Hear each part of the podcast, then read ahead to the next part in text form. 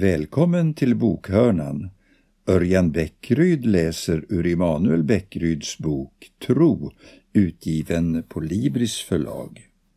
Fortsättning kapitel 8 När Paulus uppmanar de kristna i Rom att inte anpassa sig efter denna världen menar han inte att de ska avskärma sig från Guds skapelse. Han menar att de kristna ska stå fria i relation till det gudsfientliga system som råder här på jorden.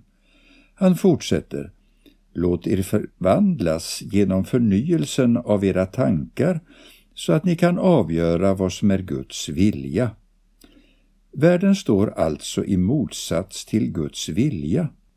Som kristna ska vi därför bejaka skapelsen men kämpa mot världen. När man analyserar en mänsklig företeelse måste man hålla isär dessa båda aspekter. Det är till exempel en fördel att människan kan känna akut smärta eftersom smärtan är ett viktigt varningssystem som är nedlagt i skapelsen. Men när människor avsiktligt tillfogar varandra smärta handlar de enligt världen. Det mest extrema exemplet på detta är tortyr. Ett annat exempel kan vara frågan om jämställdhet mellan könen. Män och kvinnor är jämställda i skapelsen, men i världen förtrycks kvinnor. Ett tredje exempel. Alla människor har olika begåvningar. Vi är skapade olika. Men i världen lyfts vissa begåvningar fram mer än andra och ger status, makt och rikedom.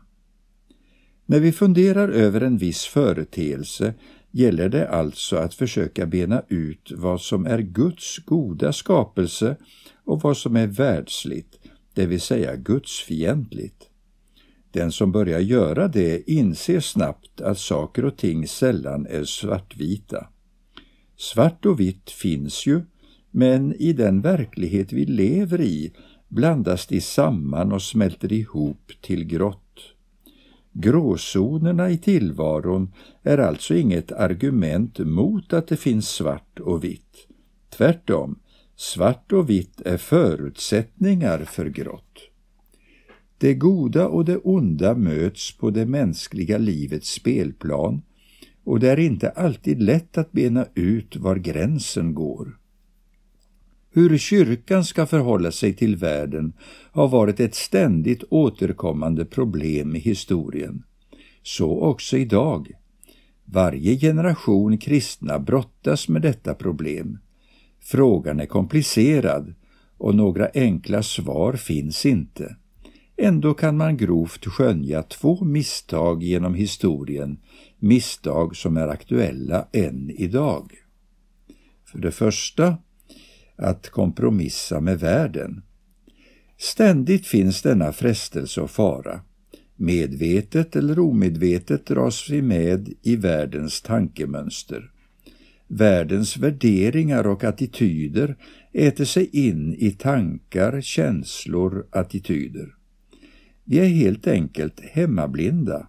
Vi ser inte att vi kompromissar. Vad kommer efterföljande generationer kristna att sucka över när de ser tillbaka på vår tid?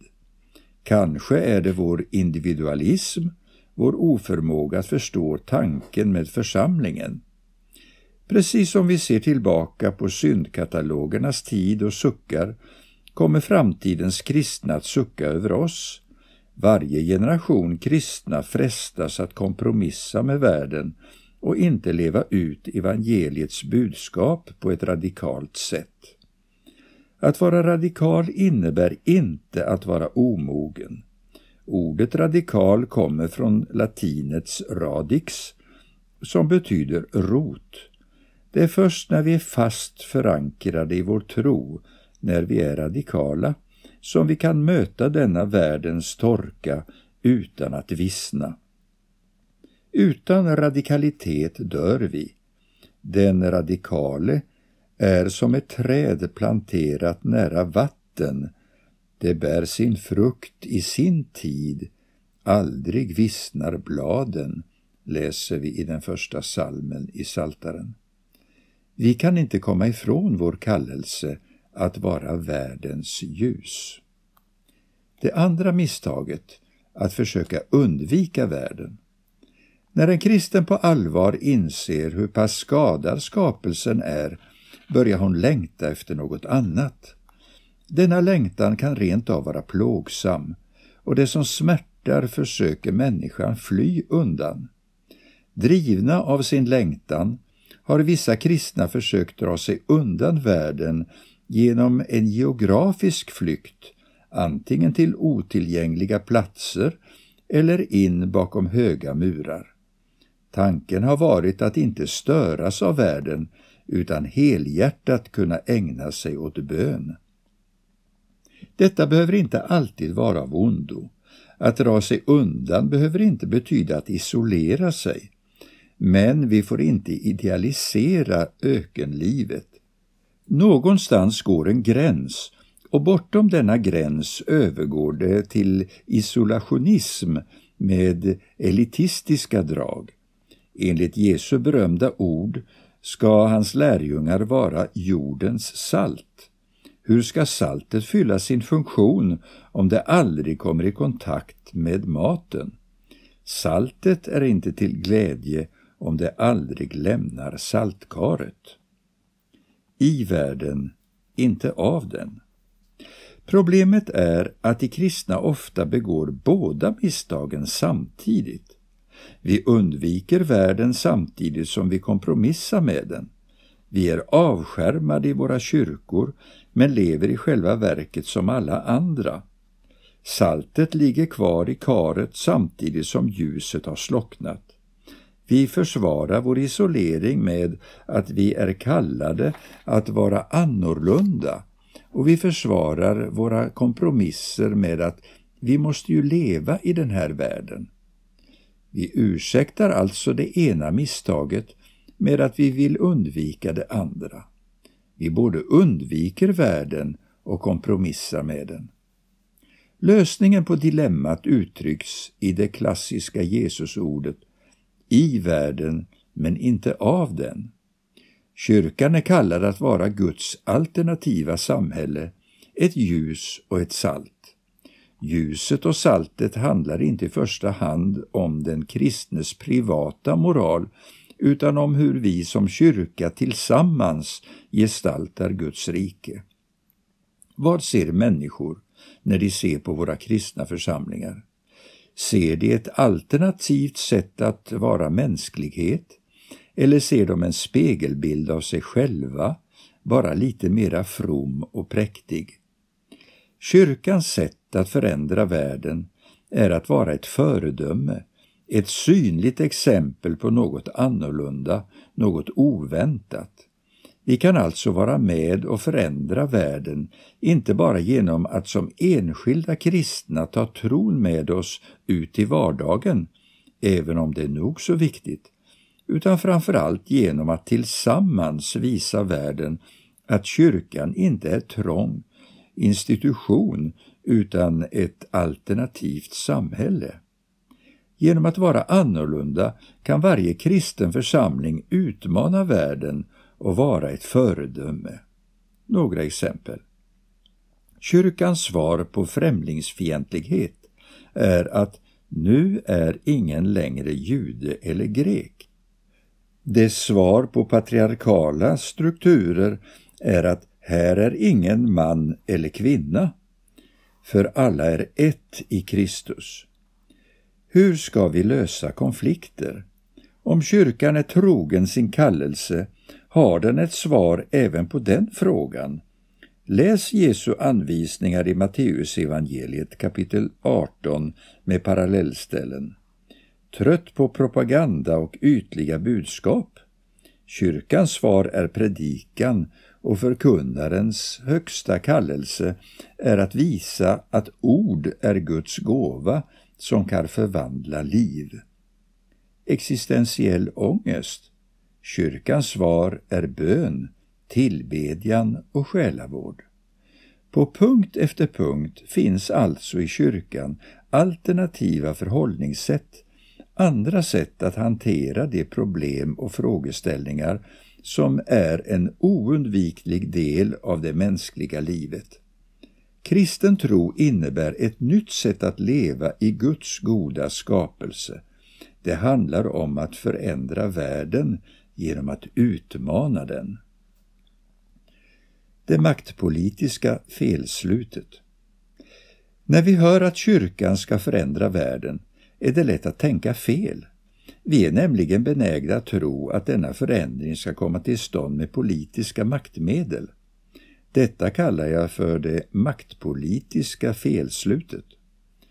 Vad händer när kristna försöker använda världens maktmetoder för att driva igenom ett partipolitiskt program? Ideologi blir viktigare än teologi. En central komponent i det maktpolitiska felslutet är att en viss ideologi betonas på bekostnad av teologin. Det specifikt kristna försvinner.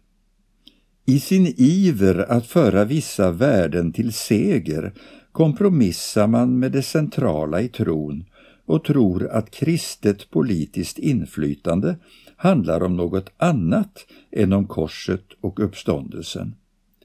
Är man kristdemokrat lyfter man fram familjen och människovärdet. Tillhör man Broderskapsrörelsen, de kristna socialdemokraterna, kanske man betonar rättvisa och jämlikhet. I båda fallen förpassar man i praktiken teologin till marginalen. Riksdagen blir viktigare än kyrkan. I vår tid delar vi upp tillvaron i fack. Teologin placeras i det andliga facket, ideologier i det politiska. Ett praktexempel på sådan indelning gavs när kungen besökte pingströrelsens årskonferens i Nyhem sommaren 2007.